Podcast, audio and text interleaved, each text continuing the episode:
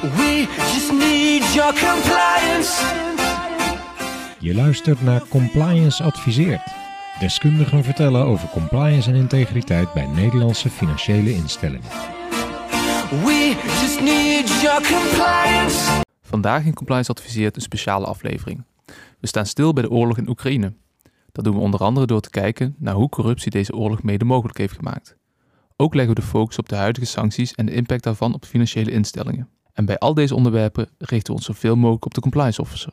Wat moeten wij weten in deze situatie en wat kan hij doen? Voor deze aflevering hebben we drie gasten uitgenodigd die dagelijks betrokken zijn bij de strijd tegen corruptie en het interpreteren van sancties. Naast mij zit Louise van der Laan, directrice van Transparency International Nederland, Nathan Oost-Inje, beleidsadviseur veiligheid bij de Nederlandse Vereniging van Banken, en Ivo Amar, partner bij advocatenkantoor Bennik Amar, dat gespecialiseerd is in handelssancties en exportcontrols. Dames en heren, hartelijk dank voor jullie komst. Louise, wat was het eerste dat je dacht toen je hoorde dat Poetin Oekraïne toch was binnengevallen? toch geschokt. Um, weet je, we weten al dat hij hier al tien jaar mee bezig was. We hebben natuurlijk gezien wat er gebeurde in Transnistrië, de Krim, en de bezetting van Georgië, het neerschieten van MH17, uh, troepen verzamelen aan, aan, de, aan de grens. Dus je, je weet het wel, maar je hoopt toch altijd dat er een grens is uh, die men niet overgaat. Dus je bent toch geschokt. Ja. Uh, en voor ons was, was natuurlijk ook onze eerste gedachte vanuit Transparency International van we hebben collega's in Kiev, we hebben collega's in Moskou. Mm -hmm. die werken al onder hele lastige omstandigheden. Um, en dan dat je ook denkt van hoe, hoe kunnen we mensen helpen? Mm -hmm. en de humanitaire ramp die zich daar nu voltrekt is absoluut verschrikkelijk. Ja. Dat er toch weer oorlog in Europa is. Want jullie hebben hè, natuurlijk vanuit Transparency International mensen in Rusland zitten en in Oekraïne. Ja, en uh, we hadden, hadden uh, gisteren een call met ze. Een van de, de zwaarste calls, moet ik zeggen, die ik heb meegemaakt de afgelopen tijd. Onze collega in Moskou, die, die wordt al redelijk bedreigd. Uh, zijn dochter is nu ook gearresteerd. maar die, die zei ook van ja, hoe, hoe kom ik hier weg? Want mm -hmm. ook, ook mensen die oppositie voeren tegen, tegen Poetin en tegen de oorlog, uh, die, die worden bedreigd. Maar ja, de collega's in, in, in Kiev die zeiden ook, we weten niet hoe lang we kunnen blijven. Want elk moment kan het luchtalarm afgaan. Ja. Uh, en dan gaan we weer de kelders in uh, en we weten niet hoe we het moeten overleven. En ja, dan kun je wel gaan praten over anticorruptie op de lange termijn. Maar nu gaat het gewoon om, leven wij morgen nog? Precies. En een van de engste dingen was dat ze vertelde dat iedere stad die gevallen is uh, aan de Russen, is dat de Russen dus uh, lijsten hebben met mensen die ze uit hun bed gaan tillen. Dus ze ja. komen dus echt deur aan deur. Zeggen, nou, in dit huis wonen politici, hier wonen anticorruptieactivisten, hier wonen journalisten, uh, hier wonen mensen met internetverbindingen. En, en die halen ze systematisch weg. En ze hebben die lijsten per dorp, per stad. Mm -hmm. um, ze zeiden, ja, het is gewoon wachten. Als Kiev valt, dan weten we dat ze hier voor de, voor de deur staan. En, en die mensen worden weggevoerd en we weten nog niet uh, waar naartoe. Worden gewoon systematisch opgespoord. Ja. Ja, het is, het, en het doet het, het, alles wat terugkomt, is die beelden van, van ja, de Tweede Wereldoorlog. Die mensen weghalen die het verzet kunnen organiseren. En dat gebeurt nu uh, ja, een paar uur hier vandaan. Schokkend dus. Ja, dankjewel. Ivo, hoe was het voor jou? Druk, ja, drukke week. Ja, wij hebben natuurlijk heel veel cliënten die handel dreven met Rusland. Dreven, zeg ik, want dat nu niet meer. Uh, en althans voor een heel groot deel niet meer. We hebben ook cliënten in de medische industrie en in de voedingsmiddelenindustrie. Ja, die kunnen nog wel wat. Mm -hmm. En dat lijkt me ook alleen maar goed. Hè? Uh, maar ja, uh, betaalverkeer ligt praktisch stil. Althans, uh, we zien gewoon dat het heel lastig is nu al om, uh, om betaald te krijgen of om te betalen, afhankelijk van welke kant het op gaat. Ja. En ja, dus dat betekent dat, het, dat de handel ook grotendeels stil komt liggen. Mm -hmm. en en we, aan de andere kant hebben we ook financiële instellingen als cliënten. Ja, en die zitten nu met, ja, we hebben een, een Russische persoon in onze structuur of uh, als cliënt of als begunstigde van een product. Ja. Ja, wat kunnen we doen? Mogen we wel uitkeren? Uh, mogen we de relatie opzeggen? Of moet, ja, en, en, en antwoord daarop is nee, uh, ja. eenvoudig. maar dat levert natuurlijk allerlei praktische vragen op. En, ja. en daar proberen we ze zo goed en zo kwaad als het gaat bij te helpen. Dus heel veel bedrijfskundige vragen begrijp ik. Hè? Ja. Daar komen ze meteen natuurlijk nog op terug. Wat deed het met jou persoonlijk? Ja, ik, uh, ik heb een knoop in mijn maag. Uh, ik vind het afschuwelijk wat er gebeurt. Um, uh, voor de mensen daar, voor het land, maar ook voor de, voor de wereld. Mm -hmm. En zeker als je dan zaken hoort als beschietingen van nucleaire reactoren en ja. dreigen met kernwapens. Ik heb een zoontje van zeven maanden. Mm -hmm. Ja, ik denk in wat voor wereld groeit hij op? Ja. En, en die vraag hebben vele generaties voor ons natuurlijk ook al gesteld. Maar nu weer en nog steeds dit eigenlijk. Had, dit had niemand verwacht natuurlijk. Nee. Nee, Nee. nee. Nee, dus dat is, dat is heel, heel erg eh, heftig, vind ik. Ja. ik. En ik ben erg gespannen, merk ik ook. Eh, Mhm. Nog los van de grote drukte die er is. Dat het gewoon... het ik ben er de hele dag eh, mee bezig. Ja, ja, En dat vind ik, vind ik heel heftig. Wat ik wel overigens nog in aanvulling op de vragen die je krijgt, wat ik ook Mhm. zie, en dat hebben we natuurlijk nu ook al groot in het nieuws gezien, is dat heel veel bedrijven nu zelf zeggen, ja, we willen eigenlijk geen zaken meer doen met Rusland. Nee. Dan heb ik het over bedrijven in de, in de scheepsbouwindustrie, in de eh, eh, ja, eh, industrie die producten maakt, apparaten maakt om, om, om schepen te bouwen of Mhm. om staal te produceren, dat soort dingen. Ja. Die partijen die zeggen nu eigenlijk en masse, ja, willen we dit nog wel? En dat gaat natuurlijk niet over één nacht ijs. Sommigen hadden ook al gigantische orders liggen. Ja. Eh, dus daar moet dan heel veel besluitvorming plaatsvinden. Maar daar Precies. zien we wel een kentering en dat is erg nieuw. Dat, dat heb ik bij Iran bijvoorbeeld nog nooit meegemaakt. Hè, de, Iran hebben we toch altijd getracht om door te leveren op een of andere manier. Ja. Eh, dat ging niet in de praktijk, maar heeft men dat wel geprobeerd. En hier Mhm. zegt men nu vanuit de business eigenlijk zelf van... dit willen wij misschien niet meer. Ik vind het interessant om te horen of dat ook überhaupt wettelijk kan. Hè? Kunnen wij systematisch een land uitsluiten? Hè? Dus Ja. Laten we daar zo meteen nog even op terugkomen. Ehm, Nathan, eh, hoe was het voor jou? Hè? Inmiddels acht dagen ongeveer hè, dat, eh, Ja. dat de inval plaatsvond. Ik Wat zit heeft met jou acht, gedaan? acht dagen in de nieuwscycle, zoals heel veel mensen, om alles te volgen. Mhm. Ik zag het wel toch een beetje aankomen, omdat je ook wel merkte dat de Amerikaanse veiligheidsdiensten heel erg transparant werden Ja. over de dreiging en over wat er zou gaan komen. En ook heel erg gedetailleerd. Hm. En ik vond dat wel echt een signaal. Ik dacht, dit hebben ze niet op deze manier eerder gedaan. Nee. Eh, dus dit is wel echt serieus. Ehm, en ik had mezelf wel erg een soort van mentaal voorbereid van... ja, dit gaat natuurlijk leiden tot sancties en dat is mijn werk. En hier Ja. weet ik wat van. Dus ik weet, ik, ik zal ook intern in, in mijn eigen organisatie... maar ook richting banken gaan moeten, moeten duiden. Dus ik, Ja. ja. ik stond al een beetje op standby. Precies. Eh, maar ja, natuurlijk voor, voor mensen is dat natuurlijk verschrikkelijk. Ja. En ja, ik dacht ook weer, dit is natuurlijk... we gaan gewoon weer terug naar de jaren 30 van Ja. eh, de vorige eeuw. Echt Ja. een parallel. Ja, ja. De Russische dreiging en het oosten tegen het westen. Ivo, je, je gaf zojuist al aan eh, eh, dat eh, de telefoon rood gloeiend staat. Hè? Dus, wat, dus kun je nog een keer vertellen, wat, wat voor vragen stellen klanten jou precies op dit moment? Er zijn heel veel klanten met een order met Rusland of een klant met Rusland of op stapel staande orders. We hadden toevallig in aanloop naar, naar deze oorlog hadden we een cliënt die wilde graag producten leveren voor Rusland. Mhm. Dat hadden ze aangemeld bij het ministerie eh, om te vragen van mogen we dit leveren? Nou, het ministerie zei toen al van dat vinden we in, onder deze omstandigheden, want er was natuurlijk al dreiging, vinden we dat moeilijk. Eh, Ja. Dus je moet een vergunning gaan aanvragen. Ja. Nou, dat tra- traject loopt nu. Maar ja, ik kan je nu op een briefje geven dat dat niet meer gaat gebeuren. Die vergunning ga je niet meer krijgen. Nee. En dat is natuurlijk eh, heel begrijpelijk en terecht. Eh, maar ook voor sommige bedrijven dus heel erg vervelend, want hun bestaan komt gewoon in gevaar. Zie je Eh, daar al tekenen van dat, dat bedrijven serieus ja, ja, eh, hier last van hebben? Ja, we hebben cliënten die hebben 70% eh, van hun handel is met Rusland. Ja, dat zal, komt nu stil te liggen. Ja, en dan houdt het op. En ik denk op de grote schaal dat het uiteindelijk wel meevalt. Ik geloof dat onze export maar 1 of 2% van de totale export is. Hè, de export naar Rusland is maar 1 en 2%. Dus ik denk dat dat op zichzelf wel zal meevallen. Maar ja, voor die paar bedrijven die, dat, die er voor een heel groot deel van afhankelijk zijn, is het natuurlijk heel vervelend.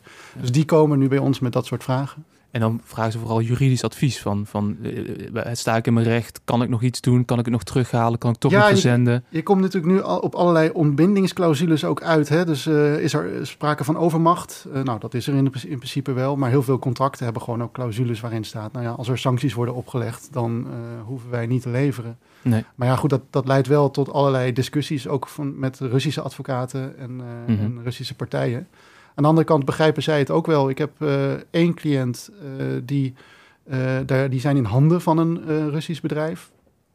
En daarvan heeft de eigenaar een brief doen uitgaan. Een, een, nou, ik wil niet zeggen een oligarch, maar wel een hele rijke Rus. Die heeft gezegd van, luister, ik sta volledig achter jullie. Ik, ik, heb, eh, ik vind het verschrikkelijk wat er gebeurt. Ehm, Mhm. En ik wou dat onze jongeren zich zouden richten op het maken van mooie dingen... in plaats van op het vernietigen van een land. Ja. En, eh, want ik denk dat alleen dan de wereld trots op zou, ons zou kunnen zijn. En dat is het nu niet. Ja. En ik wil hier niks mee te maken hebben.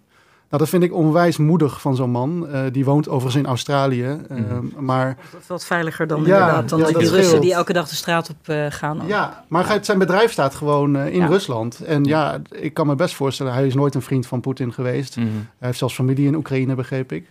Maar toch is het wel een heel moedig statement, want het kan echt tot problemen leiden voor hem natuurlijk. Dus, Loesovic, krijg je daar iets van mee vanuit eh, Rusland? Hè? Dus de, de, de sfeer, hè? Heb je iets meegekregen van je, van je mede-afdeling in Rusland? Ja, wat je dus ziet is dat er worden steeds meer mensen opgepakt. Ehm, Mhm. eh, dus de, de Russen die nog durfden te demonstreren, die worden steeds minder. Er zijn geloof ik al 9000 eh, zijn opgepakt. We werken ook heel nauw samen met eh, NGO's die zich heel erg richten op bijvoorbeeld de vrije pers, eh, op mensenrechten. Denk aan Human Rights Watch, Amnesty International, Free Press Unlimited. Eh, en, en we zien met name bijvoorbeeld eh, journalisten, eh, die worden echt systematisch eh, ook eh, getarget. Eh, zeker degene die, het woord oorlog hè, is net verboden. Eh, krijg je 15 jaar celstraf als je het überhaupt een oorlog noemt, wat daar gebeurt. Dus, dus er is geen enkele vrijheid, er is volledige repressie. Eh, dus daar moeten we ook niet eh, eh, romantisch over doen dat dat nog een, een normaal land. Het is een dictatuur en dit is een dictator die een illegale invasie eh, heeft gepleegd. En wij moeten nu kijken welke rol wij hierin kunnen pakken. Heel heftig. Een dictatuur die de grenzen opzoekt en er overheen gaat, duidelijk. Nathan, jullie ondersteunen banken hè, met de Nederlandse Vereniging van Banken. Op welke manier ondersteunen jullie banken op dit moment? Ja, dat is wat ik eigenlijk al een beetje net zei. Hè? Eh, informatievoorziening aan de ene kant. Dus ik stond er wel echt op standby, ook met het publiceren van de daadwerkelijke verordeningen. Ehm, je ziet dat er eh, best wel een, een tijd zit hè, tussen wat de Europese Commissie bekend maakt, Mhm. wat de mogelijke plannen zijn en het daadwerkelijk publiceren van de regels. En uiteindelijk, hè, zodra de regels gepubliceerd worden op, eh, op de site van de Europese Unie, dan is het ook van kracht. In ieder geval in de official journal. En dan eh, ja, gaan eh, de collega's bij de bank aan het werk, de, de compliance teams, om te interpreteren wat is dit nou, waar we het nou eigenlijk mee te maken. Mhm. En alles eh, wat je van tevoren hoort is, is eigenlijk hearsay, want je weet het pas echt als het op papier staat. Ja. En dan moet je echt een assessment gaan doen. Maar kan daar veel onduidelijkheid in zitten? Dus wat de Europese Unie dan op, de, op papier zet, zet, of Europese Unie of Europese Commissie? Europese Commissie ehm, die schrijft vaak een opzet voor de plannen. Mhm. Eh, maar uiteindelijk gaat de Raad gaat daarover, dus de lidstaten gezamenlijk. En Ja. die besluiten eh, bij eh, unanimiteit. Dus uiteindelijk wordt het een, een compromis. En het zijn ook politieke besluiten. En het is eigenlijk helemaal niet zo gericht op de uitvoering. Maar het be- bevat allerlei eh, verbodsbepalingen. Dus dat je geen transactie meer mag doen, geen financiële diensten meer mag verlenen. Eh, dat soort zaken. Ja. Eh, maar wat ik zei, heel erg politiek gemotiveerd. Dus eh, ja, dus, er zijn altijd uitvoeringsproblemen. En altijd dingen wa- waarvan je afvraagt, hè, wat betekent dit dan? Ja. Wat is deze definitie? Ehm, het is ook à la carte, hè? dus ze verzinnen ter plekke eigenlijk van hè, dit, dit gaan we nu doen qua sancties, qua maatregelen. Ja, en dan is het aan banken en anderen, ja, voer maar uit. Heb je daar een voorbeeld van waarvan je zegt van ja, zie je, Nou ja, dit is zo politiek gedreven, van wat, wat, wat moeten we hier uiteindelijk nou mee als, als bank zijnde? Ehm, tussen verordeningen zie je ook best wel wat verschillen. Ehm, het, het feit hè, dat zo'n definitie als eh, financial assistance kan verschillen per verordening, eh, zegt al heel veel over de, ja, de, de kwaliteit van de regelgeving en de politieke eh, Ja. ja. de motivatie erachter. Ehm, ik heb zelf stage gelopen in de raad ehm, ten tijde van de, het afzwakken zeg maar, van de Iran-sancties of de, dat, dat opheffen. Ehm, en je ziet daar dat, dat, dat, dat lidstaten ook heel erg voor hun eigen belang opkomen als er Mhm. dan zoiets gebeurt. Dus die zeggen dan, ja, maar ja, wij hebben deze sector. Ehm, misschien moet er een uitzondering komen of moet die dan net niet binnen een definitie vallen. Ja. Nou ja, dat komt uiteindelijk terug in die wetteksten. Dus dat betekent ook weer hè, als uitvoerder dat je dan moet gaan kijken van, oh, wat, wat geldt er dan en voor wie Ja. en tegen wie? En dat is complex. Nog even voor de, voor de, voor de luisteraars. Je hebt natuurlijk eh, regulations en, en directions. Hè. Een verorde- verordening is een... Het zijn allemaal eh, verordeningen, dus die zijn eh, rechtstreeks werkend. Dus eh, zodra het gepubliceerd eh, wordt, dan eh, is het van kracht en dan moet je je eraan houden. Misschien een goed voorbeeld nog van eh, de politieke eh, insteek van die verordeningen is dat er nu een verbod is uitgevaardigd op het storten van eh, bedragen van meer dan 100.000 euro op een eh, Mhm. bankrekening in Europa. Maar daarvan zijn uitgezonderd mensen met een permanente of tijdelijke verblijfsvergunning in Europa. En dat op zich heel begrijpelijk, hè? want je wil natuurlijk op zichzelf eh, goedwillende eh, Russische burgers in Europa daarmee beschermen. Alleen de mensen die die stortingen doen, zijn natuurlijk vaak oligarchen die ook vaak Mhm. wel een permanente of een tijdelijke verblijfsvergunning of verblijfsplaats in Europa hebben. Dus dat is typisch zo'n voorbeeld wat mij betreft. Dat je ziet dat er men probeert aan de ene kant de Europese burgers te beschermen. En aan de andere kant maakt het ook eigenlijk meteen die sanctie een beetje Ja. eh, waardeloos. Ja, en een van de redenen daarvoor is dat je dus, het heet zogenaamde golden passports. Dus jij kunt als miljonair, kun je in Malta of Cyprus een, een, eh, een flatje huren, een miljoen betalen. En dan heb je gewoon een Maltese of een Cypriotisch paspoort. Wij verzetten ons daar al, al heel lang tegen. En we zijn nu ook bezig met actie voeren dat er gekeken wordt welke Russische oligarchen op deze manier hun EU-paspoort hebben gekregen. Vroeger was het alleen maar gewoon wat belachelijk dat die kinderen hier dan gratis mogen studeren en interrail passes krijgen en zo. Maar nu is er echt wel wat anders aan de hand. Het betekent dat ze gewoon de sancties kunnen omzeilen. Dat ze in die havens kunnen liggen, dat ze, dat ze eigendom kunnen kopen. Dus dit is wel een manier waarop onze eigen lidstaten puur uit gewin. En, en het schijnt dat in Malta dat het ook nog echt het persoonlijke gewin was van de politieke elite daar. Daar is ook eh, er is een over vermoord. Dat je te maken hebt met een, een, een, een soort de kleptocraten die elkaar hierin, eh, hierin versterken. Dus er zijn heel veel verschillende aspecten. Maar die eh, gouden paspoorten aanpakken is één onderdeel van de oplossing. Want anders zijn die sancties eerlijk gezegd helemaal niks waard. Mhm. en, en doet Transparency International daar iets, iets aan op dit moment? Omdat, wat, nou, de eerste wat we gedaan hebben is, is dit. Het is alweer van een paar jaar geleden is onderzoek gedaan naar hoe dat nou precies werkt. Eh, nou, dat was niet echt nodig, want je ziet ook dat, dat activisten in, eh, in Cyprus en Malta zelf, eh, er zijn trouwens ook andere lidstaten, maar dit zijn de grote, die zijn, zijn daar ook mee bezig. En, en onderzoeksjournalisten, ehm, eh, eh, activisten. Maar probeer dat maar eens op de politieke agenda te krijgen. Want dat betekent dus dat bijvoorbeeld Nederland Cyprus moet aanspreken op dit gedrag of de Europese Commissie. Mhm. En daar komen dus al die politieke belangen, waar Ivo het ook over heeft, spelen dan weer mee. Maar we moeten ons wel realiseren dat elke keer als je dit soort dingen toestaat eh, en er geen oplossingen voor vindt, dat je bezig bent met het faciliteren en het dus ook, ook financieren van een kleptocratische elite. En in dit concrete geval heeft dat geleid tot oorlog. Dus, Ja. dus als wij het hebben over corruption kills, zijn van die zeggen, je hebt, er is een rechtstreeks verband tussen het niet eh, aanpakken van kleptocraten en corruptie. En eh, dat leidt tot geweld. En de ene keer is het terrorisme en dan zijn het wapen, is het wapenhandel. En de volgende keer is het smokkel in, in beschermde diersoorten. Dan is het milieucriminaliteit. En nu is het gewoon oorlog. Mhm. Dat hangt allemaal met elkaar samen. En, en ja, ik weet dat veel van jullie luisteraars zijn compliance officers. Ik vind het zo belangrijk dat de mensen die dit werk doen zich ook realiseren dat het, het gaat niet om de regeltjes naleven. Het gaat echt om wat voor soort wereld willen wij met elkaar hebben.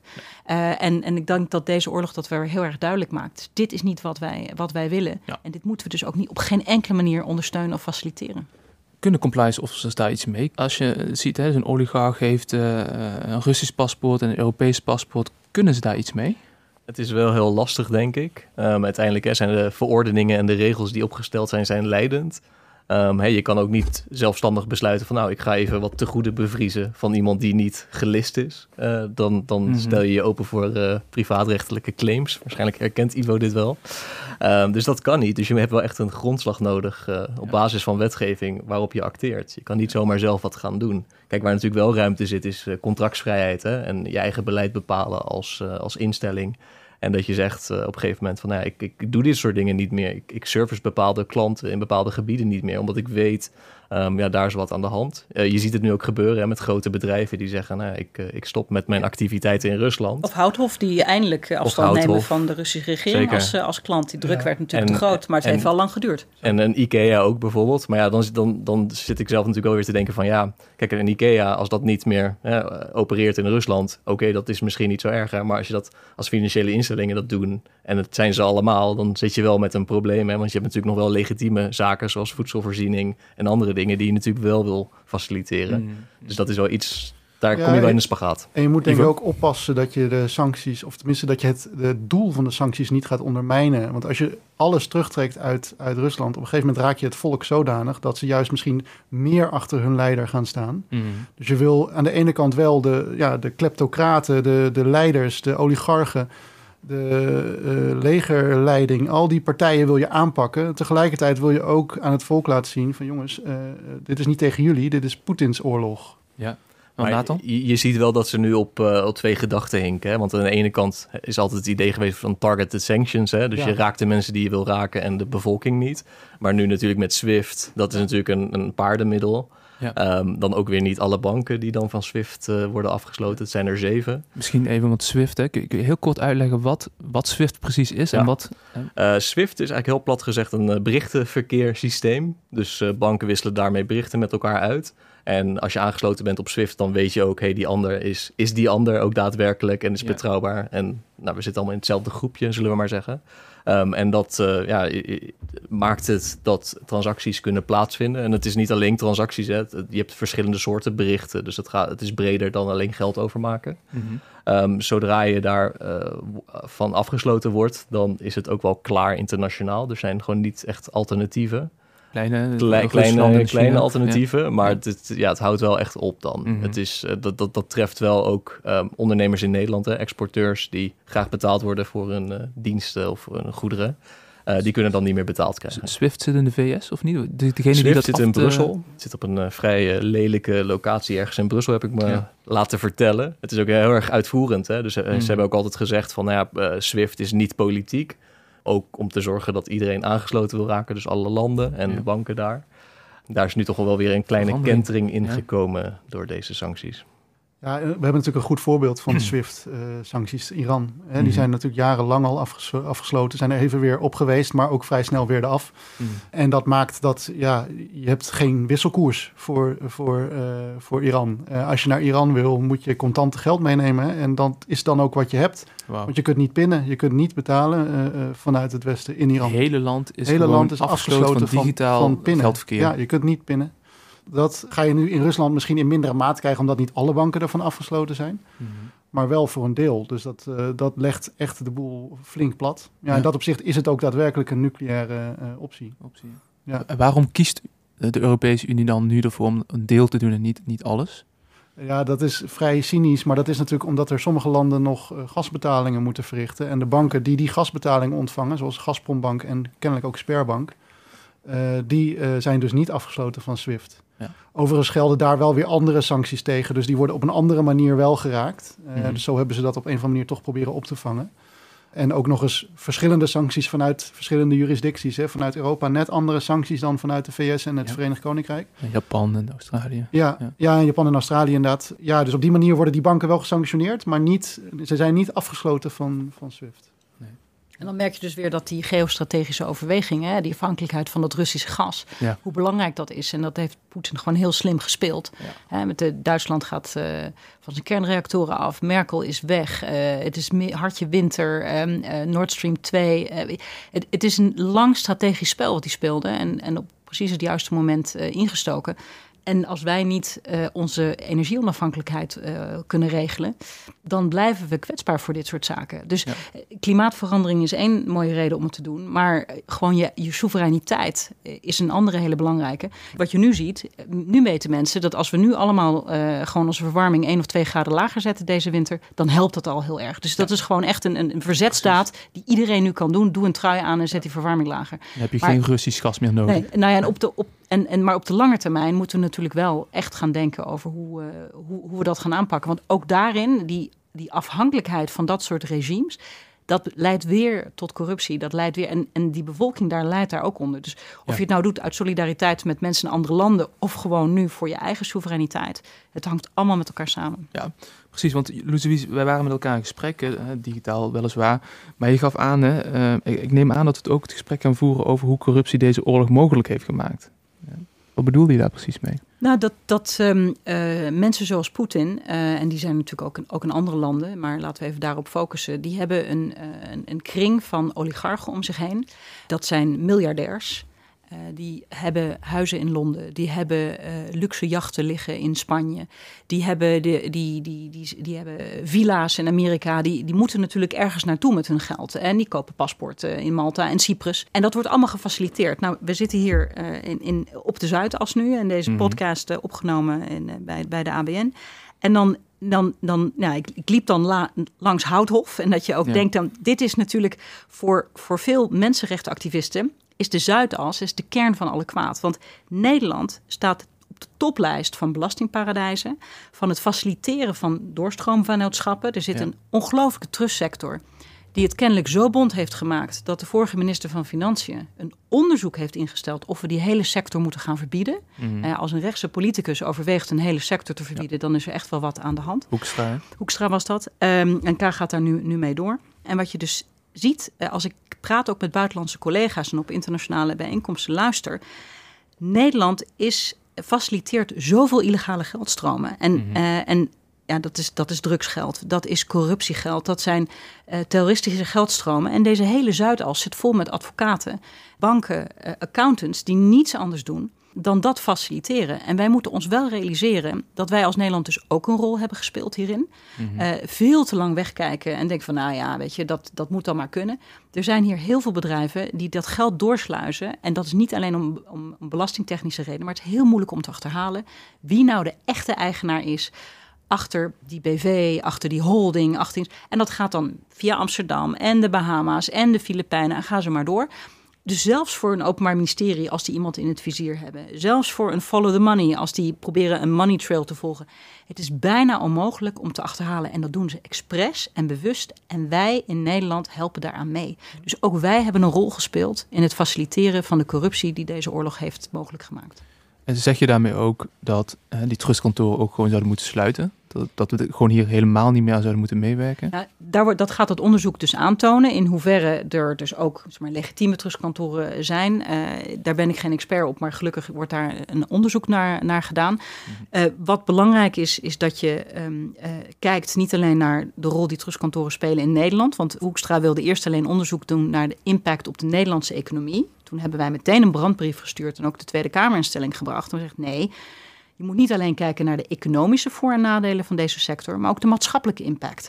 Iedereen die volgt de ontwikkelingen rond Nederland en de veiligheid hier, de moord op Peter R. de Vries, op Dirk Wiersum, de ondermijning, burgemeesters die beschermd moeten worden. De reden dat drugsbendes hier hun gang kunnen gaan, is mede omdat ze hier ook de diensten krijgen om dat geld wit te wassen. Mhm. Je moet ook kijken naar de maatschappelijke impact van het faciliteren van deze geldstromen. En je moet ook kijken wat het met het buitenland doet. Ja. Want als Isabel dos Santos, dochter van de voormalige president, Angola heeft leeggeroofd voor 2 miljard. Hè, dus een straatarm land waar een van de hoogste kindersterftes eh, van Afrika.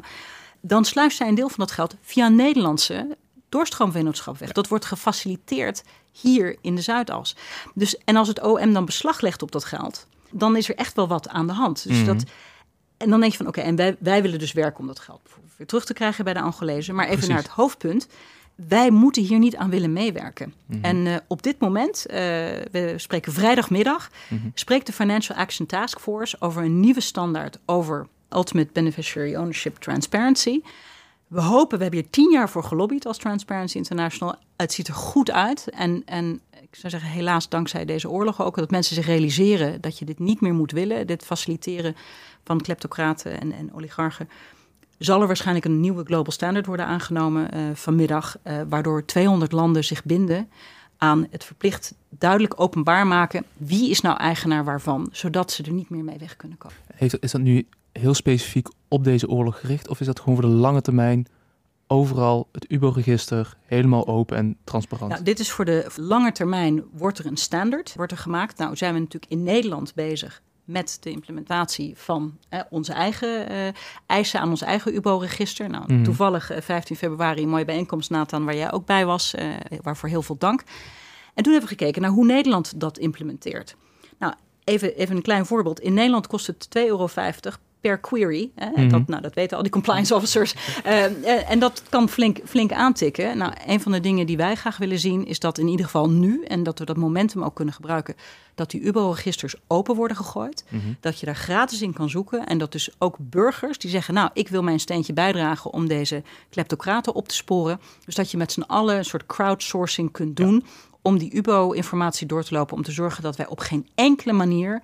eh, de mensen aan, het- aan het faciliteren zijn die deze oorlog mede mogelijk maken. Ja, want hier lijkt wel een soort van hiaat te zitten. Hè? Want aan de ene kant, een bank kan gewoon zeggen van nou, 2,50, dat, dat, hè, dat betalen wij, dat berekenen we uiteindelijk weer door aan de klanten. Ja. En maar daarmee kunnen we ons onderzoek doen.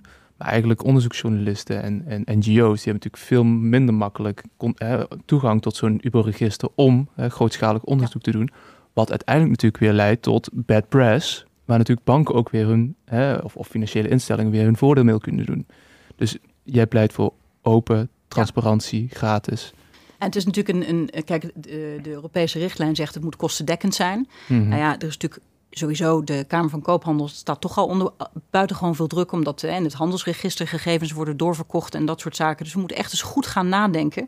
Willen we een soort commerciële, eh, ja, zichzelf financierende Half, half. uh, ja, dat, dat hierbij hebben? Of zeggen wij nou deze informatie, even los van dingen die privacygevoelig zijn, moet je dat überhaupt in dit soort handen willen hebben? Maar dat je zegt, dit is zo belangrijk voor het soort samenleving die wij willen hebben, dat je nog maar de vraag moet stellen of kostendekkend of, of als dat belemmerend is in de toegang, of je dat wilt. Nou, wij, wij, wij hebben daar wel ideeën over. Dus opengooien, in ieder geval voor nu.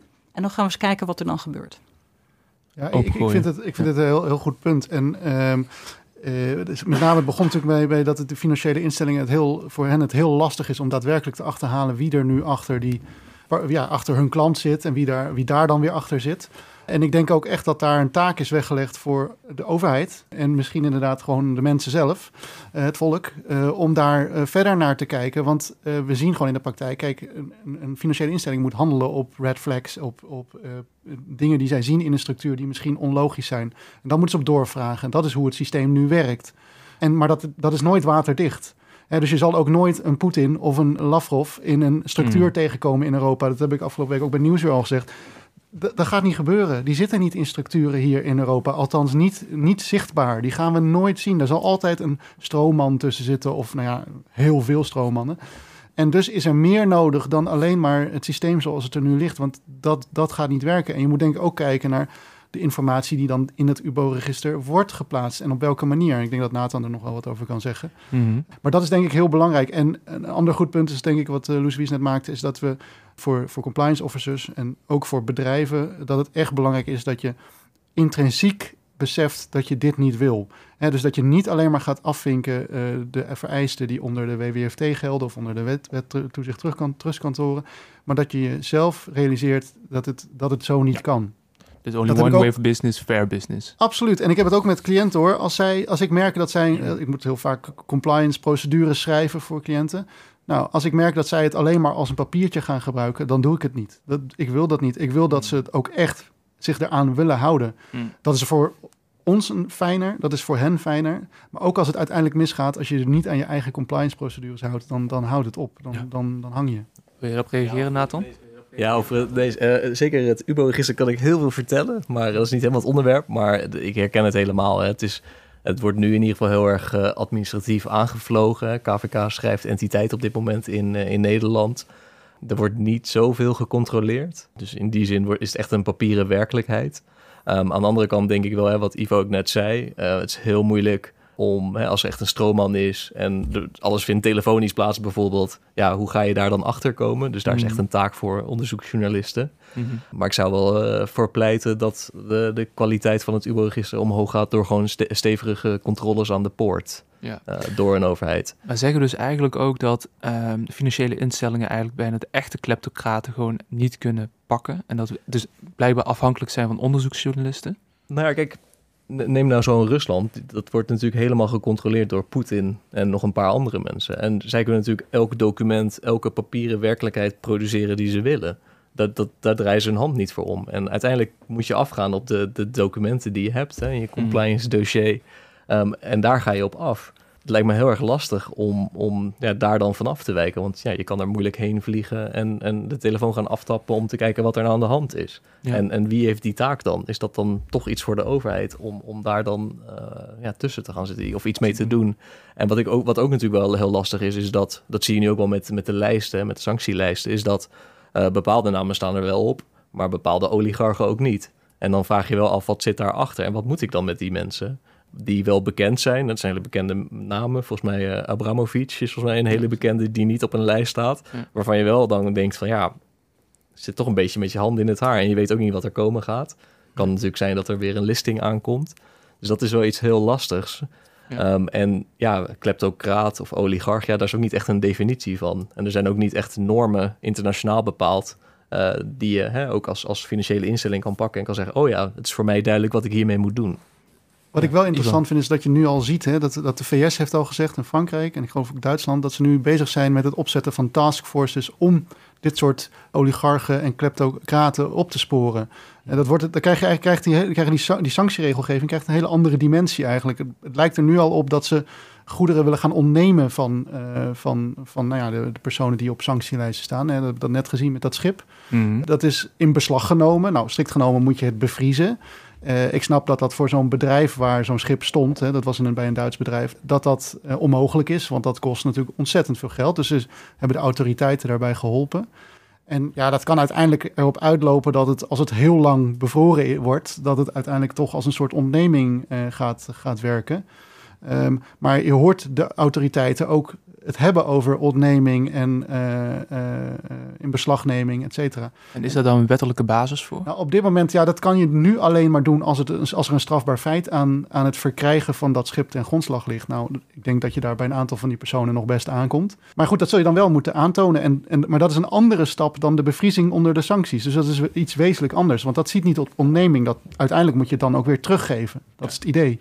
Dat is een mooi voorbeeld van hoe het kan. Toen de dictator van Equatoriaal Guinea, meneer Obiang, veroordeeld is in Amerika wegens corruptie. En in Amerika heb je dus de Magnitsky Act, daar, die geldt ook voor corruptie. In Europa alleen nog maar voor mensenrechten. Ik mag hopen dat eh, dat, dat snel verandert. Dat is een van de dingen ook waar wij voor lobbyen.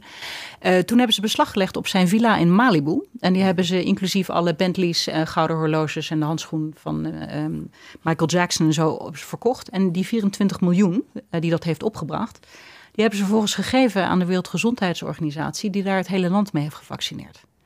Dus er zijn echt methodes waarop je dit kan doen. Je moet alleen wel de politieke wil hebben. En ik denk dat we hierin echt een goed voorbeeld hebben aan Amerikanen. Zo kan het dus ook. Waar, ik nog even naar op zoek ben is, eh, kun je, hè, eh, lijkt me, dit lijkt me ook dingen voor een rechter. Hè, dit lijkt me ook dingen voor een rechter om te zeggen, van, dit moeten we wel ontnemen of dit moeten we niet ontnemen. Ik kan me niet voorstellen dat, eh, dat iedere financiële instelling of, of organisatie voor eigen rechten kan spelen. Nee, dat klopt. Dat- Als instelling kun je niet ontnemen. Je moet bevriezen. En, dat Mhm. is, eh, en je moet het melden bij de Nederlandse Bank of bij de AFM. Eh, en dan moet je er op het geld, in het geval van geld, moet je erop blijven zitten. Het blijft in de boeken staan totdat de sanctie eraf gaat. Of totdat je eventueel een vergunning van de, het ministerie van Financiën krijgt om het alsnog vrij te geven. Die worden uiteraard mondjesmaat maar afgegeven en terecht, want dat ondermijnt uiteindelijk de sanctie. Dus eh, dat, is, kan, dat is ook heel vervelend voor zo'n financiële instelling, want je hebt iemand in je boeken waar je eigenlijk niks meer mee doet, maar je, dat kan zo decennia duren. Ja. Eh, maar dat is hoe het werkt. Dus, eh, en het geld blijft gewoon staan totdat die sancties worden opgeheven in principe. toch even terug naar, hè, wellicht voor, voor, voor de meesten even een stapje terug, maar eh, we hebben het heel veel over sancties. Hè? Eh, Sancties, waar hebben we het dan over? Wat, wat, hoe, hoe moet ik me dat voor me zien? Wat, wat zijn de hoofd? Nou ja, je- kijk, sancties zijn natuurlijk uiteindelijk financiële of eh, eh, eh, politieke instrumenten om het gedrag van eh, en het handelen van bepaalde landen te sturen of te bestraffen. En Ja. uiteindelijk is dan de gedachte daarbij eh, dat we eh, nou ja, de, de veiligheid en vrede in de wereld eh, handhaven. En de sancties zelf kunnen bestaan uit allerlei eh, gradaties. Hè. Dus je hebt eh, handelssancties, die echt zien op de export van goederen of de handel met een bepaalde overheid. Eh, en eh, dat kan van alles zijn, van wapens tot, eh, nou ja, we, zoals hout nu inmiddels, met Wit-Rusland bijvoorbeeld. Staal, nou ja, goederen voor de olie- en gasindustrie. Zo, al dat soort, vaak, vaak instrumenten die belangrijk zijn voor de economie van een land. Mhm. En daarnaast heb je dus financiële sancties. En dat kan bestaan, het belangrijkste daarvan is wat we dan de bevriezingsmaatregel of de asset freeze noemen. Dat is eigenlijk ook de reden waarom we die, die grote sanctie, die sanctielijsten hebben. Hè. Dat zijn allemaal mensen op eh, waar dan die bevriezingsmaatregel tegen geldt. Maar er kan, kunnen ook andere, je mag op, in sommige landen, bijvoorbeeld in de Krim en Sebastopol, mag je geen verzekerings- of bankaire diensten aanbieden. Ja. Dus dat zien wij dan ook als een financiële sanctie. Dus de twee belangrijkste zijn handels- en Ja. financiële sancties. Ja, ja, en die financiële sanctie, die, die bevriezingsmaatregel, is eh, eigenlijk de meest vergaande sanctie. Ook overigens de meest opgelegde sanctie. En die bestaat eigenlijk uit een gebod en een verbod. En het gebod is dat je niks direct of indirect aan of ten behoeve van een gesanctioneerde partij iets ter beschikking mag stellen. Mhm. En met iets, daar hebben ze het over te goede en economische middelen, maar feitelijk betekent eigenlijk alles wat waarde heeft, Mhm. inclusief diensten, et cetera. Dus dat mag je niet ter beschikking stellen. Niet aan die persoon zelf, niet via een derde, ook niet aan een dochtervennootschap of een partij die onder zeggenschap staat van een gesanctioneerde partij. En het bevriezen wil zeggen dat je alles van die partij en alles eh, wat van dochters of, of, of onder de invloedssfeer van die personen Mhm. eh, beschikbaar is, moet je bevriezen. Dus dan mag je geen verandering in de hoeveelheid of in de aard van de goederen of de, de gelden mag je daarin aanbrengen. Dus het is heel, heel concreet. Hè? Dus, dus bijvoorbeeld een oli- oligarch hè, heeft een, een, een dochter, Ja. bijvoorbeeld. Hè? Ja. Dochter, een letterlijke dochter, een Oh, natuurlijke dochter. Ja, ja, oké, ja. Ja. ja. En, en eh, die mag dan bijvoorbeeld geen advocaatadvies krijgen Nou, als hij gesanctioneerd is. Nee, waren. zij mag dat in principe wel, tenzij dat ten behoeve is van haar, haar vader. Maar je mag dus, stel zo'n oligarch heeft een bedrijf, dat zien we natuurlijk heel veel. Mhm. heeft een bedrijf voor meer dan 50% eh, de aandelen in zo'n bedrijf, dan betekent dat eigenlijk dat, die, dat dat bedrijf ook op de sanctielijst staat. Dus eh, hoewel er dus, mm, die sanctielijsten zijn dus in werkelijkheid veel langer dan zij op papier zijn, omdat alle, alles wat van hen is, dus al die bedrijven die daaronder hangen, ook Gesanctioneerd gesanctioneerd zijn. Ja. En dat geldt niet alleen voor dochtervennootschappen, maar ook partijen waarover zij zeggenschap hebben. En dat is eigenlijk heel feitelijk. En oligarchen hebben vaak niet 100% of 50% van de aandelen, maar misschien een keer 10. Maar misschien hebben ze wel een keer een zoon of een dochter of een neef in het bestuur gezet. Mhm. En dan moet je eigenlijk vaststellen dat zo'n bedrijf toch onder zeggenschap staat van een gesanctioneerde partij, hè, een oligarch in Ja. dit geval. En dat betekent dat dus dat dat bedrijf toch gesanctioneerd is. Lijkt ook een beetje op de PEP-wetregelgeving, hè? Dat het eh, hè, Zeker. persoon ja. in, Dus om in de- de PEP. Ja, Ja. ja. Ja, en het, het, het hangt ook een beetje samen met de WWFT. Hè? Dus de, de, de UBO-regeling onder de WWFT. Hoewel ze daarbij 25% uitgaan, is het bij Mhm. de sanctiewet echt 50%. Ja. Of zeggenschap. En dat is dus veel breder. Ja. Maar we zien dus nu al vragen over... Ja, we hebben een cliënt en die heeft een, een bestuurder. Die is een, dat is een oligarch. Hè? En die man die mag alleen maar handelen als die een power of attorney heeft van de hele, het hele bestuur. En dan is meteen de vraag, ja, is dat bedrijf dan onder zeggenschap van zo'n gesanctioneerde persoon? Mhm. Dat zijn, dat zijn dan de vragen die dan nu opkomen. Ja, goed, en dan is de vraag: van, ja, mag je daar dan dus mee handelen? maar hoe kun je dat dan, dan uitzoeken? Ik kijk ook even naar Nathan, want het lijkt me Dat in de praktijk heel moeilijk. heel ja. lastig. Uh, Wie Ja. heeft de echte zeggenschap in een, in Ja. een bestuur? Er is, Ja. wel, er is wel een lijstje van de commissie in een opinion waarin ze aangeven hoe je zeggenschap eh, moet, eh, moet uitvogelen. Maar Ja. het gaat ook over de feitelijke situatie, dus ook Ja. misschien over familierelaties en dat soort zaken. Ja, hoe Ja. kom je daartussen? Bijna niet te doen. Nee, ze hebben, ze hebben tien voorbeelden. Die komen eigenlijk uit de terrorismeverordening van de EU. eh, waarin men zeggenschap vermoedt te bestaan. En dat is bijvoorbeeld als de oligarch of de persoon eh, het recht heeft om het bestuur te benoemen of te ontslaan. Of als hij kan beschikken over de, het vermogen van een bedrijf. Mhm. Er zijn er allerlei voorbeelden denkbaar waarbij men dus vermoedt eh, dat er zeggenschap is. Ja. Ja, en als je zelf in het bestuur zit, dan moet je wel, dan is het wel een, een uphill battle om te beargumenteren dat je toch geen zeggenschap hebt over een Ja. bedrijf. En misschien nog in aanvulling hè, op dit, want dit is heel erg de materiële kant. Hè, dus Ja. wat- wat mag je wel, wat mag je niet. Financiële instellingen staan ook onder toezicht van DNB. En DNB heeft ook eisen ten aanzien van je, van je organisatie, hè, van je bedrijfsvoering. Hè. Dus je moet screenen, je moet eh, in control zijn. En dat wordt ook getoetst. Dus dat wordt nog wel eens vergeten. Dus naast, naast de materiële kant moet je ook zorgen dat je, je organisatie goed werkt. En dat Ja. je kunt screenen en dat je op tijd bent en dat soort zaken. Op de juiste manier Ja zaken dat, je, doet. ja, dat je het eh, voor elkaar hebt. Ja. Ja. Eh, Nathan, even terug naar jou. Hè. Je bent beleidsadviseur veiligheid bij de NVB. Eh, op welke beleidsaspecten van veiligheid ben je dan gericht? Eh, ik doe hoofdzakelijk het onderwerp witwassen. Dus we hadden het net ook even voor, over het UBO-onderzoek. Dus dat valt heel erg daarin. Doe nu eh, deze week vo- voornamelijk sancties en afgelopen Mhm. week. Dus dat zijn eh, de hoofdthema's voor mij. Nou, dat is al, eh, denk ik, al genoeg om je mee bezig te houden deze tijden. Ja. Dus dat, dat is wat ik doe. En, en misschien een opfrisser voor de meeste Ja. compliance officers. Eh, Welke wettelijke basis ligt er onder sancties? Hè? Wat, wat, Ja. Welke wet en regelgeving hebben we het dan? Net hadden we natuurlijk al het een beetje geschetst. Heb je, je hebt de materiële kant. Dus dat zijn echt de verordeningen waaraan de, waarin de, de, de verbodsbepalingen staan. Dat komt vanuit de EU. Ehm, maar ook in Nederland hebben we sanctieregelingen. Dus de, de, de nationale terrorisme-lijst, die sanctieregeling. eh, dat is daar een voorbeeld van. Hè? Dus ook landen zelf kunnen nog sanctioneren. Dus daar zou je ook rekening mee moeten houden. Ja. Eh, nu is dat niet echt aan de orde, hè, want sancties zijn over het algemeen niet heel effectief als Nederland dat alleen doet. Eh, maar dat is ook iets waar je toch rekening mee moet houden. En verder ehm, heb je de, de regeling toezicht-sanctiewet. En dat, Ja. is, eh, dat is eigenlijk een heel klein, klein regelingetje is dat. Ehm, en daar staan dan de eisen in ten aanzien van de bedrijfsvoering. Ja. Ehm, maar die blijken voornamelijk uit de leidraad van de, van de Nederlandse bank. Hoe je dan eh, om moet gaan met je bedrijfsvoering om sancties goed te kunnen naleven. Want dat is de wetgeving die, eh, de, de sanctiewet 1977, hè, die daar uh, Klopt, die, die ligt daarachter. Ja. Ja.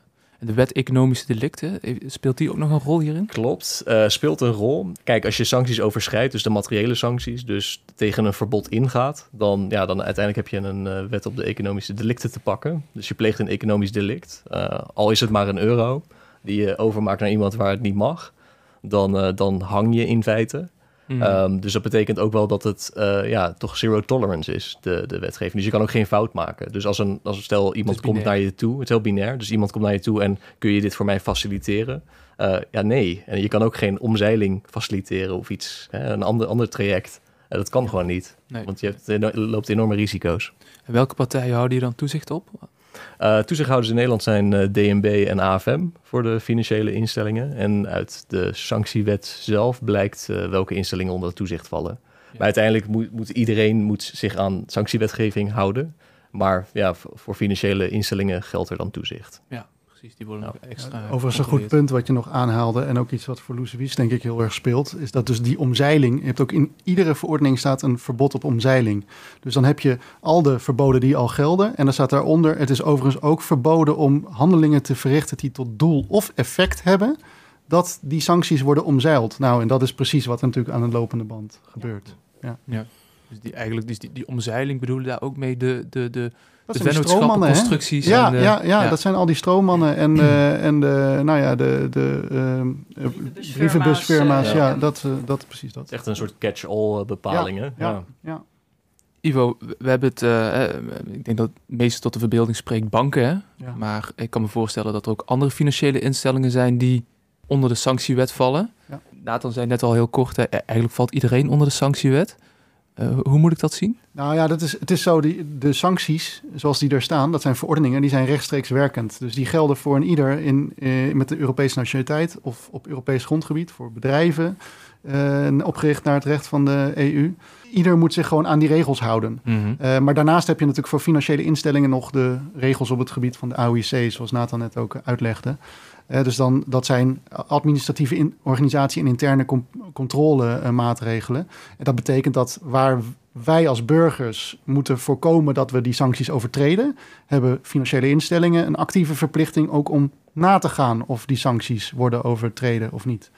Nou ja, dat is dus aanvullend en dat geldt inderdaad voor banken, maar ook voor uh, schadeverzekeraars, uh, betaaldienstverleners, bepaalde pensioenfondsen, ja. Ehm, trustkantoren. Nou, zo, zo, zijn er nog heel, heel wat die daaronder vallen. Ja, ja. Het kan dus ook zo zijn dat dus een pensioen ergens bevroren wordt van een... In principe wel, ja. Dat, dat zou kunnen. Ja, ja. ja zeker. Oké, okay. helder, dankjewel. Dankjewel voor, de, voor het stuk helderheid. zeg maar. De sanctiewet en alles wat eromheen hangt hebben we even goed uitgediept. Goed zo. Uh, Louise je bent directrice bij Transparency International, hè, de Nederlandse afdeling van Transparency International, een NGO die wereldwijd corruptie bestrijdt. Uh, overigens voor de luisteraars wie Transparency International nog niet kent, raad ik de aflevering aan met jullie bestuursvoorzitter Paul Vlaanderen aan. Hij legt haarfijn uit wat Transparency International allemaal doet. Maar terug naar jou. Wat vind je van de rol die Nederland de afgelopen jaren heeft gespeeld in het faciliteren van internationale geldstroom van Russische oligarchen en belastingprijzen? Hebben we eigenlijk al besproken. Maar wil je daar nog iets op toevoegen? Ja, nou, ik, ik was eigenlijk wel geschokt. Hè. Ik doe dit nu anderhalf jaar en, en dan leer je dus je, je land kennen ook door de, de lens van hè, wat is de internationale best practice? Hoe zien andere landen je? En dan zie je dat, dat het echt wel tijd is voor ons als Nederlanders om in de spiegel te kijken. Op heel veel verschillende vlakken hoor. Ook als het mm. gaat om partijfinanciering en een Nederlandse lobbycircuit en toegang tot beleid. Ja, allerlei zaken, maar even specifiek hierop. Dat ik wel geschokt was uh, dat wij ook internationaal worden gezien als een van de grootste ja, facilitator van, van, van dit soort illegale ja, geldstromen en echt als belastingparadijs. En eh, ja, ik, ik ben natuurlijk ook een trotse Nederlander en dol op mijn land, maar, maar dit is wel iets waar we ons verschrikkelijk voor moeten schamen. En ehm, eh, vandaar dat ik ook uh, vol enthousiasme zeg maar, hiermee aan de slag ben gegaan. Ik denk van dit moeten wij niet willen om allerlei redenen. Um, en uh, en ik, ik, hoop ook dat als het onderzoek van, naar, de, naar de trustsector uh, van, uh, van de minister van Financiën uitkomt, dat we dan ook, ook stappen kunnen zetten um, om te zorgen dat wij niet meer bovenaan die, die lijstjes komen. Ja. en wij zullen daar samen aan werken met, met, met een tax justice, met allerlei verschillende NGO's. Maar dit is ook iets wat we willen, samen willen doen met bedrijven, met onze leden, met de overheid. Want dit moeten wij met z'n allen niet willen, dat ja. Nederland hier zo bovenaan staat. Want we hebben natuurlijk ook de Corruption Perception Index. daar staat Nederland natuurlijk redelijk hoog op qua hè, dat, dat we het redelijk goed doen. Hè? Ja. Ik denk dat Denemarken en Finland uit mijn hoofd het nog, nog beter Ja. doen. Nou ja, wij staan op de achtste plaats, maar dat gaat alleen maar over overheidscorruptie. Hè. Dat gaat, moet jij bijvoorbeeld steekpenningen betalen voor een medische behandeling of om je kind op een goede school te krijgen. Nou, dat is Mm. natuurlijk hier niet aan de hand. En vergeleken met eh, een land als Soudaan of Rusland eh, is het natuurlijk zo dat de overheidscorruptie, eh, die is hier, dat is niet relevant. Nee. Tegelijkertijd met de Corruption Perceptions Index publiceren wij iets dat heet Trouble at the Top. En dat zijn dus de tien toplanden waar Nederland bij zit wat daar allemaal mis is. En dan heb je het inderdaad over witwassen. Je hebt het over illegale geldstromen faciliteren. Dan heb je het over inderdaad de trustsector. ehm, het niet beschermen van klokkenluiders. De rechtsstaat die ongelooflijk onder, onder druk staat. Dus wat dat betreft, het feit dat je op die ene index van de CPI het goed doet... moet je niet denken, wij kunnen met z'n allen achteroverleunen. Want we, doen het dus letterlijk slecht op die andere index. Ja, we doen het. eh, je, hebt, je hebt een paar dingen. Eén is de eh, exporting corruption, is eentje die denk ik Ja. voor vandaag ook, ook relevant is. Het gaat over buitenlandse omkoping. Dus Nederlandse bedrijven die steekpenningen betalen in het buitenland. Nou, we kennen de verhalen allemaal over de Mm. Van Oorts, ehm, eh, SBM Offshore, ga ze maar door. Ehm, en je hebt dan.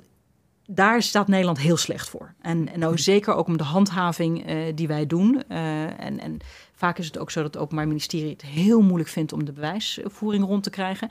Als er zelf een melding wordt gedaan, zoals SBM Offshore heeft gedaan, en er komt een schikking, ja, dan kun je natuurlijk de zaak boven water krijgen. Mhm. Als je moet proberen ja, uit Brazilië, uit Angola eh, bewijsmateriaal te krijgen, is erg moeilijk. Dus daar is nog heel veel werk aan de winkel. Ehm, vervolgens, als je kijkt naar de Corruption Perception Barometer, dus hoe burgers, Nederlandse burgers het zien, waar ik erg van geschrokken ben, onder andere, is dat 30% van de Nederlanders zou nooit melding maken van een misstand, omdat ze bang zijn voor repercussies. En die willen geen klokkenluider worden. Eh, dus die zeggen, ja, ik, ik meld dat gewoon niet. Dat zijn heel veel mensen. Ehm 42% van de Nederlanders vindt dat Nederland bestuurd wordt door een, een, ja, een politiek-bestuurlijke kliek elite die elkaar de hand boven het hoofd houdt, baantjes toespeelt, eh, contracten toespeelt. Ja. En elke keer als er een mondkapjesaffaire, Sievert van Linden, al die zaken spelen, dan bevestigt dat natuurlijk dat beeld.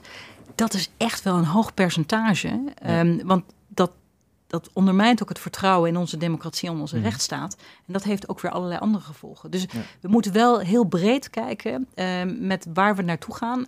En, en ook opletten dat een democratie en een rechtsstaat, die ook essentieel zijn voor onze welvaart en dus ook voor, en ook voor vrede, ehm, dat we die bewaken. En dit is een complexe puzzel, maar daar zijn we met z'n allen bij. En, eh, en ik hoop ook dat we met z'n allen aan kunnen werken om dat te, te behouden hier. E- Even terugkomen op wat je zegt, dat veel mensen, 30% in Nederland durft iets niet te melden zodra er een misstand is. Hè? Ja. Eh, eh, Hoe komt dat in Nederland? Wat, wat is daar de oorzaak van? Nou ja, omdat in, je hebt toch het beeld over klokkenluiders is natuurlijk heel negatief. Hè? Dan denken mensen meteen aan Ad Bos op zijn, met zijn caravan op de hei... nadat hij melding had gemaakt van de bouwfraudeaffaire. Eh, mensen zijn bang voor repercussies. En het Huis voor de Klokkenluiders toont ook aan dat dat terecht is. Omdat heel veel te maken hebben met pesterijen, met intimidatie, met uitsluiting, met ontslag. En dat we die bescherming nog niet goed op orde hebben. En, en dit zijn ook mensen die, die misstanden kunnen melden op lokaal niveau. Ehm, Mhm. hè, als je, je hebt nu over bedrijven die worden geïnfiltreerd door criminele elementen. Eh, die willen, kunnen, willen misschien vertellen wat er gebeurt in de Rotterdamse haven. Maar ook eh, misstanden bij, eh, bij advocatenkantoren die wegkijken als ze criminelen aan, aan het helpen zijn. Allerlei verschillende zaken. Dus wij willen met z'n allen een cultuur waarin mensen dingen durven te melden. En dan hebben we het nog niet eens over de Voice of Holland. En, en hè, dat zo'n John de Mol zegt, ja, maar we hebben toch meldkanalen? Ja, maar als de cultuur er niet naar is, Ja. dan kun je meldkanalen hebben tot je een ons weegt. Dat weten compliance officers als, als geen ander. Zeker. Maar dan wordt het een boxticking exercise. Het gaat erom, heb je integriteit in de DNA van je organisatie? Ja. En daar is dus de tone from the top is, is zo ongelooflijk belangrijk. Anders blijft het een papieren tijger. Integriteit in de tone of the top, speak-up, openheid. Ja, nou, ik, ik sta altijd te kijken hoe wij in Nederland omgaan met klokkenluiders. Iedere keer weer, ook nu. Ik geloof dat recent nog weer bij EY iets speelde. Dat er ook weer de klokkenluider degene is die dan weggaat bij het eh, bedrijf. En heel van ontslagen wordt. En Ja. dat, ik, ik vind dat bizar. En we hebben net het Huis van de Klokkenluiders opgericht. Maar het blijft toch soort van nog in de cultuur zitten dat, dat, dat het op die manier gaat. En daar Ja. sta ik altijd van te kijken. En dan denk ik altijd aan Amerika, waar je dus waar hoge boetes vaak worden opgelegd, maar vervolgens ook een deel van die boetes dan weer naar de klokkenluider gaat. Dat is zo het tegenovergestelde van wat wij in Nederland doen. En ik vind echt dat, eh, dat Loes Wies helemaal gelijk in heeft. Dat, dat, we daar, dat we daar echt nog een wereld te winnen hebben, eerlijk gezegd. Zou die financiële prikkel in Nederland kunnen helpen? Ja, daar ben ik nog niet over uit, moet ik zeggen. Eh, Het is, ik vind het ook wel heel Gaat wel Amerikaans. Ja, het klopt. gaat, Ja. gaat heel ver. Ja, Ehm. Ik geloof dat eh, wat je uiteindelijk wilt, is dat je een veilige meldcultuur hebt. En dat mist, mensen die een, me- een melding maken van een misstand gehoord worden. En dan komen er geen klokkenluiders. Hè, als het zover is dat je een klokkenluider hebt, is het eigenlijk al te ver gegaan. Dus je wilt, eh, ja, je wilt dat die misstanden worden opgepakt. Ehm, en eh, Whistleblower International zegt altijd helemaal: blow the whistle, don't become a whistleblower. Van maak het niet, eh, graaf je niet in vast, maar zorg wel dat er melding wordt gemaakt. Nou, en onze, wij werken samen met Follow the Money in het Organized Crime and Corruption Reporting Project. En die zeggen altijd van, geef het gewoon lekker aan ons. Ja. En, en bedrijven willen natuurlijk graag dat het intern wordt opgelost. Maar als dat niet veilig is, dan nemen we niemand kwalijk. Eh, zeker als er geen mogelijkheid is om het anoniem te melden. Hè, daar pleiten wij ook altijd voor. Geef het dan inderdaad aan Follow the Money. En die gaan ermee aan de slag. En als je ziet wat er de afgelopen jaren... We hebben het over de Pandora Papers, de Panama Papers... over de Wikileaks, de Luxemburg Leaks... De, nou, al die zaken, wat daar allemaal naar buiten is gekomen... ook over al deze kleptocraten... Nou, daar kunnen openbaar ministeries nog jaren mee, eh, mee aan de slag. Maar dat zou, zouden we nooit hebben geweten... als die klokkenluiders niet hadden gedurfd dat naar buiten te brengen. En ik, ik begrijp heel goed... Zeker als jij bij, hè, nu de Swiss Leaks nu, hè, als je bij zo'n bank zit, je hebt de melding gemaakt intern, je ziet dat systematisch de, de, de top het niet interessant vindt, ja, dan breng je het op een gegeven moment gewoon naar buiten. Ik zeg, good for them. Mm. Dus, dus om ook even terug te komen op het punt met, eh, met hè, dat Nederland is blijkbaar, hoe, hoe noemde je dat? De top of the? Wat? De trouble at the top. Trouble at the top, Ja, inderdaad. Dat wij daar het vrij hoog in staan. En dat Ja. klinkt eigenlijk ook al alsof we jarenlang eigenlijk de koopman voorrang hebben gegeven aan de dominee. Hè? Ja. Eh, misschien even Nathan van jou. De trustkantoren, vallen die ook onder de NVB? Nee. Die vallen buiten. Die hebben hun eigen club, dat is Holland Questor.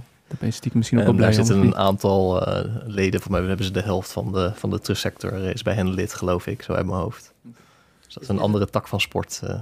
Is het wel onderwerp van gesprek bij de NVB? Dus, dus het, het, het faciliteren van, van vennootschappen en, en het faciliteren van Eh, geldstromen? nee, dat is niet, nee, dat is- valt, valt niet onder banken. Het is ook een, een, aparte vergunning die je moet aanvragen bij DNB om Mhm. een trustkantoren te kunnen zijn. Ja. Eh, dus dat is echt een heel ander bakje. Maar zo'n doorstroomvennootschap die kan wel een Nederlandse bankrekening openen. En dan is het gewoon een klant waarvan je moet kijken, goh, wat zit daar nou achter? Ehm, en gaat er dan een alarmbel af, eh, zoals je zegt van, goh, de enige functie van deze vennootschappen is om dat geld door Nederland te sluizen, maar hier zit verder geen enkele economische activiteit?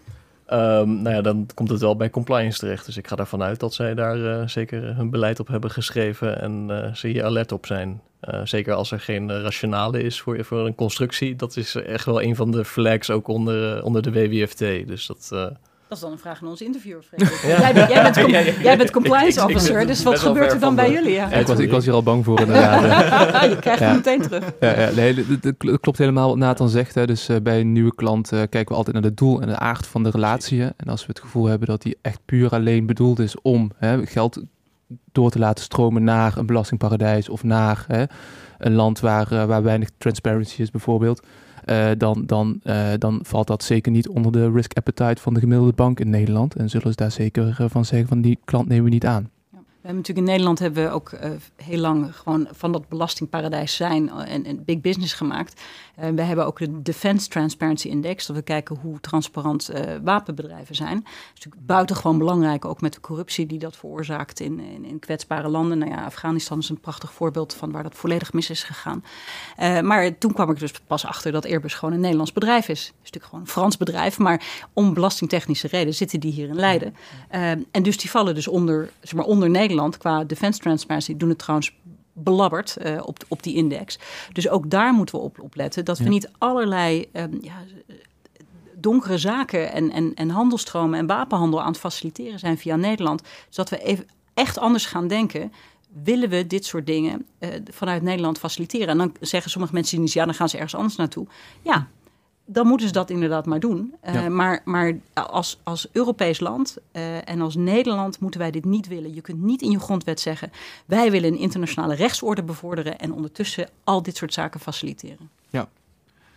Ik heb dan- ja, ik, waar ik Nou dan met, met, meteen aan denk, eh, ook als het gaat om defensie. Hè, ehm, ik heb ook wel gehoord dat de defensieindustrie, in ieder geval de Europese, ook ehm, bij de Europese Commissie heeft aangeklopt. Juist omdat ze in Europa geen financiële dienstverlening kunnen krijgen. Of dat het heel moeilijk is geworden. Dus je ziet wel daar een kentering in.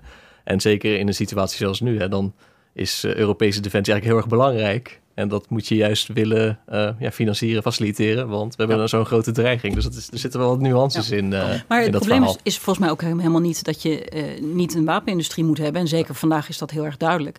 Maar het moet transparant zijn. Ja. Want de vraag is aan wie verkopen ze nog meer? En als wij eh, wapens leveren aan eh, NAVO-bondgenoot Turkije, hoe weten we dan zeker dat die wapens niet uiteindelijk eh, Ja. in Jemen worden gebruikt? Ik noem maar wat. Dus je, je moet wel zeggen, er zijn bepaalde eisen zijn daarvoor. En daarom is zo'n Defense Transparency Index ook een hele belangrijke. Is er parlementair toezicht? Eh, eh, wordt eh, corruptiebestrijding meegenomen in buitenlandse missies? Nou, twee dingen die in Nederland bijvoorbeeld niet zo goed geregeld zijn. Dus, dus op al dit soort plekken zeggen we: transparantie is niet het doel op zich. Het doel is om te voorkomen dat je dus meewerkt aan zaken die de wereldorde ondermijnen.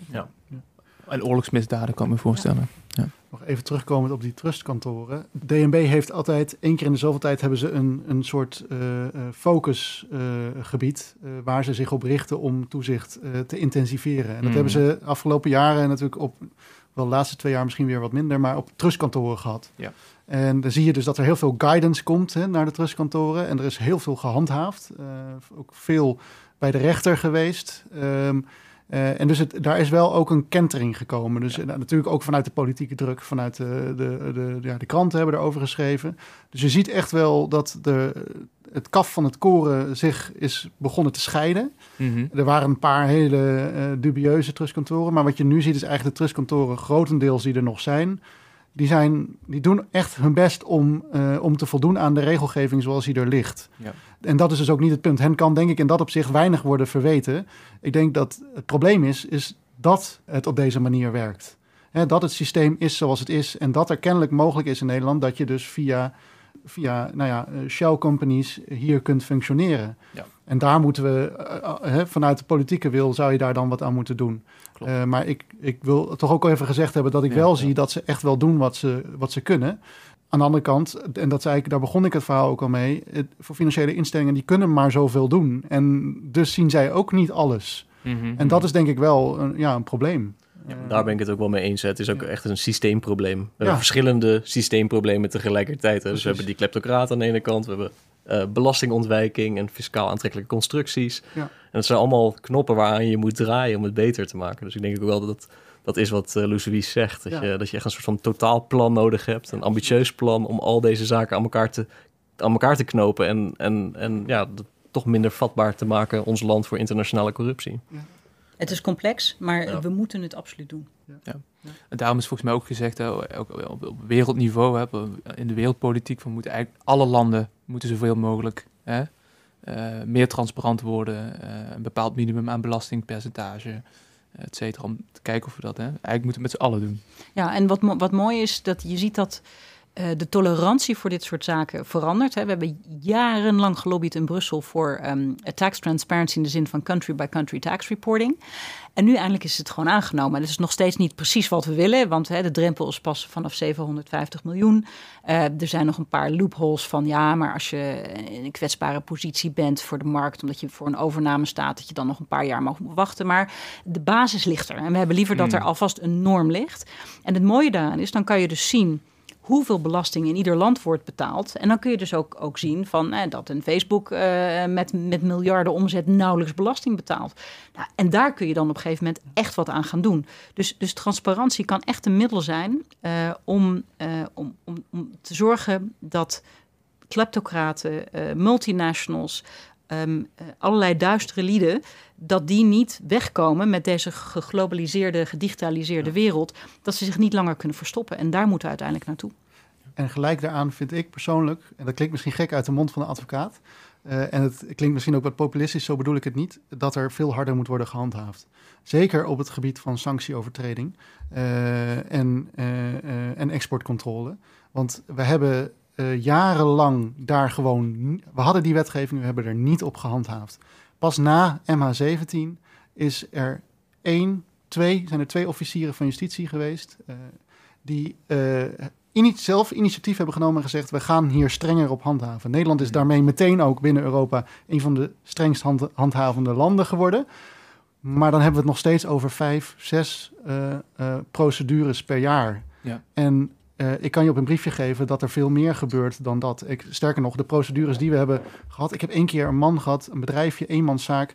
Die hadden aluminiumpijpen geleverd aan een universiteit in Iran.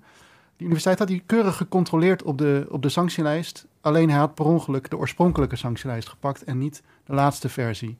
En daar stond die universiteit wel op. Het ging om 500 euro transactiewaarde. Het was een onschuldige aluminiumbuis. Hij werd vervolgd strafrechtelijk. Zijn bedrijf werd vervolgd strafrechtelijk. Ehm, terwijl er zijn, dat weten we gewoon, er zijn grote Nederlandse bedrijven geweest. Die, zijn, die hebben al die jaren gewoon doorgeleverd, ook gedurende de sancties aan Iran. Ja. Eh, er zijn bedrijven geweest die, die de Russische sancties hebben omzeild. Dat heeft allemaal plaatsgevonden en daar wordt niets mee gedaan. En ik denk dat we, en dat zie je in Amerika, sanctierecht werkt echt alleen maar als je het ook streng handhaaft. Ja. Daar gaan ze natuurlijk ook meteen weer in de overdrive. Ik bedoel, eh 900 mil- eh, 9 miljard boete voor, eh, voor BNP Paribas, omdat ze sancties eh, hadden overtreden. Eh, maar je ziet daar ook weer, net als eigenlijk bij ehm, eh, de, de co- corruptie, zie je dan dat je bijvoorbeeld 50% boete krijgt, of 50% vermindering krijgt op je boete op het moment dat je zelf aangifte doet, voluntary self-disclosure doet, zoals ze dat noemen. Mhm.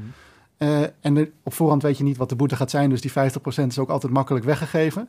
Eh, maar, maar, maar dat maakt wel dat mensen op een gegeven moment zelf zeggen: "Maar luisteren, er is wat misgegaan. Wij willen het zelf melden, eh, want we, we zouden het vervelend vinden als het op een andere manier aan de orde aan, de, aan het daglicht komt. Ja.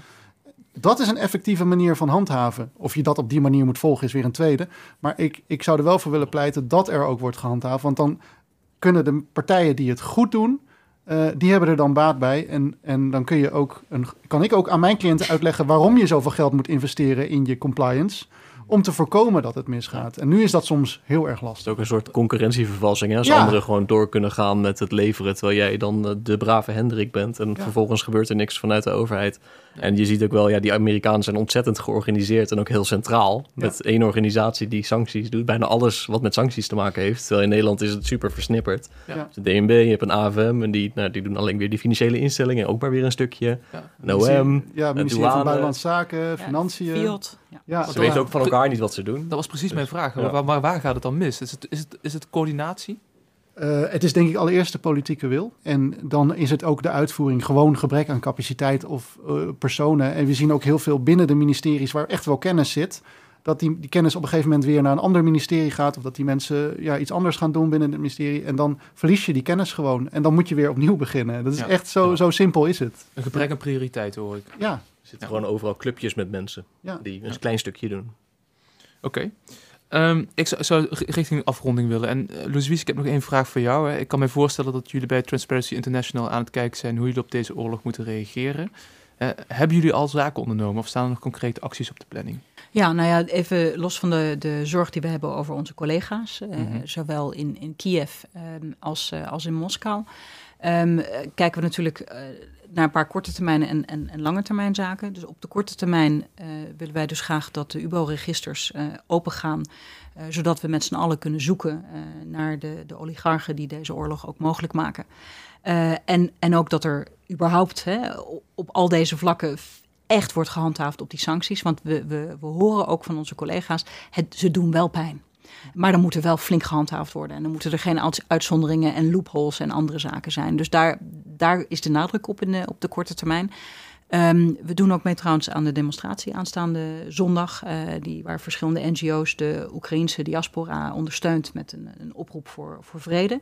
Ehm, daar lopen ook mee Amnesty International, ehm, eh, Humanity in Action, eh, PAX, het Nederlands Helsinki-comité. Dus je ziet dat de NGO's elkaar weten te vinden. Wij werkten al samen op het gebied van rechtsstaat en democratie, waar we ons ook ernstig zorgen over maken. Maar nu zijn we hierop ook samengekomen. Ehm, en op de lange termijn gaat het inderdaad over die, de, die grote vraagstukken. Hoe, hoe, hoe zorgen we dat dat UBO-register werkt? Dat we niet buitenlandse eh, corruptie faciliteren. Dat we niet meedoen aan omkoping in het buitenland. Dat we onze eigen rechtsstaten beschermen. Dat we capaciteit hebben voor, voor vervolging. Dus die hele, eh, dat we klokkenluidersbescherming. Dus die hele complexe puzzel. Eh, dat we daar op al die vlakken eh, de juiste stakeholders bij elkaar eh, brengen. En ik vind het, het mooie van een, een, een NGO zijn. We zijn maar heel klein. Nou hebben we ontzettend leuke leden, moet ik zeggen. Dus dat is leuk. Dat, dat we werken met politiek, overheid en bedrijfsleven. We werken op lokaal, nationaal, Europees en internationaal niveau. En dat wij dus al die, die, die knoopjes aan elkaar kunnen binden. En we hopen op die manier toch ook iets van een verschil te maken. En het mooie is dat je ziet dat in bijna ieder bedrijf, in iedere organisatie, bij de overheid, in de politiek, er zijn mensen die dit willen. Maar we moeten ze handels, handelingsperspectief bieden. Van, je kunt wel zeggen, gut wat erg. Maar we willen ook zeggen, maar wat kun jij nu doen? En, en ik denk dat al die mensen die nu, nu, nu geld inzamelen of geld geven en, en goederen inzamelen, die, die vluchtelingen opvangen, geweldig. Mensen die nu de verwarming lager zetten, geweldig. Mensen die ook solidariteit laten zien door te demonstreren, is fantastisch. Maar ook op de lange termijn, help nou die politieke wil uh, te organiseren, zodat we deze kleptocraten voor eens en altijd het leven onmogelijk maken. En dat we gewoon naar een integere wereld gaan met, met z'n allen. Heel mooi. Dankjewel. Ik zou bijna willen zeggen amen. Ja. Maar binnen deze podcast hebben we altijd nog één vraag aan onze gasten. Dat is, uh, uh, welk advies heb je voor uh, compliance adviseurs? Hè? Of wat is het beste advies dat je zelf ooit gekregen hebt? Dus Ivo, wil je nog even nadenken? Ja, nee joh, ik, ik, ik, ik ehm, nou ja, ik denk dat het eigenlijk wel aan bod is gekomen. Ik denk um, dat je als compliance adviseur alle tijden ervoor moet zorgen dat je uh, um, niet een uh, vinkenzetter, om het maar even zo te zeggen, wordt. Dat je uh, altijd kijkt naar het doel van de regelgeving. En, en ook je realiseert hoe belangrijk het is dat dit gebeurt. En dat wat Loes ook zegt, dat deze oorlog heeft kunnen ontstaan doordat we. Nou ja, dat, dat, doordat er mogelijkheden zijn om deze regelgeving te omzeilen. Doordat al die kleptocraten hun gang hebben kunnen gaan jarenlang. Hmm. En dat je je realiseert dat je dat moet voorkomen in de toekomst. En dat kun je niet in je eentje, maar wel als onderdeel van het geheel. En um, als je dat doet, denk ik dat je altijd de juiste keuzes zult maken. Ja, dus dat we samen moeten werken daarin. Ja, zeker. Nathan? Ja, misschien gewoon wat meer praktisch. Hè? Ook, uh, ook met uh, qua regelgeving. Hè? De, de compliance officer die uh, zit dat nu te lezen en te interpreteren. Er komt nog heel veel waarschijnlijk op banken en andere financiële instellingen af. Maar ik, ik zou willen zeggen, raak niet in paniek. Realiseer je ook dat de wetgeving toch politiek gemotiveerd tot stand is gekomen. En ja, probeer zo goed als dat gaat dat uit te voeren. Um, ja, en trek ook aan de bel hè, als, als er iets onduidelijk is of als iets niet lijkt te werken of iets niet goed is opgeschreven. Want het zijn ook maar mensen die het geschreven hebben. Dus en, bijvoorbeeld ik, bij de NVB een, een, een speciale helpdesk? Ja, we hebben, we hebben een uh, expert pool sancties. Dus daar komen leden bijeen om uh, over deze regelgeving te praten en over de uitvoering daarvan. Mm -hmm. uh, ook om issues aan, aanhangig te kunnen maken, want het is niet perfect. Dat zal het ook nooit worden. En het is wel ja, zaak om het beter te maken dan, dan wat het is. Het is onder druk tot stand gekomen. Ja, ja en dan worden er fouten gemaakt.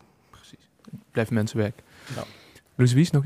Ja, nou, ik, ik, ik kan me voorstellen dat mensen soms, uh, als ze bezig zijn met uh, al deze complexe materie, dat je soms denkt, jeetje mina, waar ben ik nou eigenlijk mee bezig? Uh, maar, maar denk dan inderdaad aan, je, poortwachter klinkt heel dramatisch, maar dat is het ook.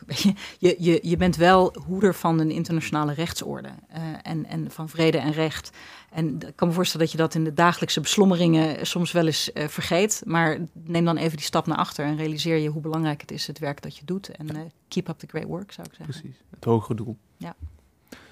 Louis, Ivo, Nathan, hartelijk dank voor jullie komst. En uh, luisteraars, tot de volgende keer. Dank je wel voor de ons samenbrengen, ja, Frederik. Graag gedaan.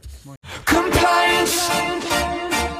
We just need your compliance. Je luistert naar Compliance Adviseert. Deskundigen vertellen over compliance en integriteit bij Nederlandse financiële instellingen. We just need your compliance.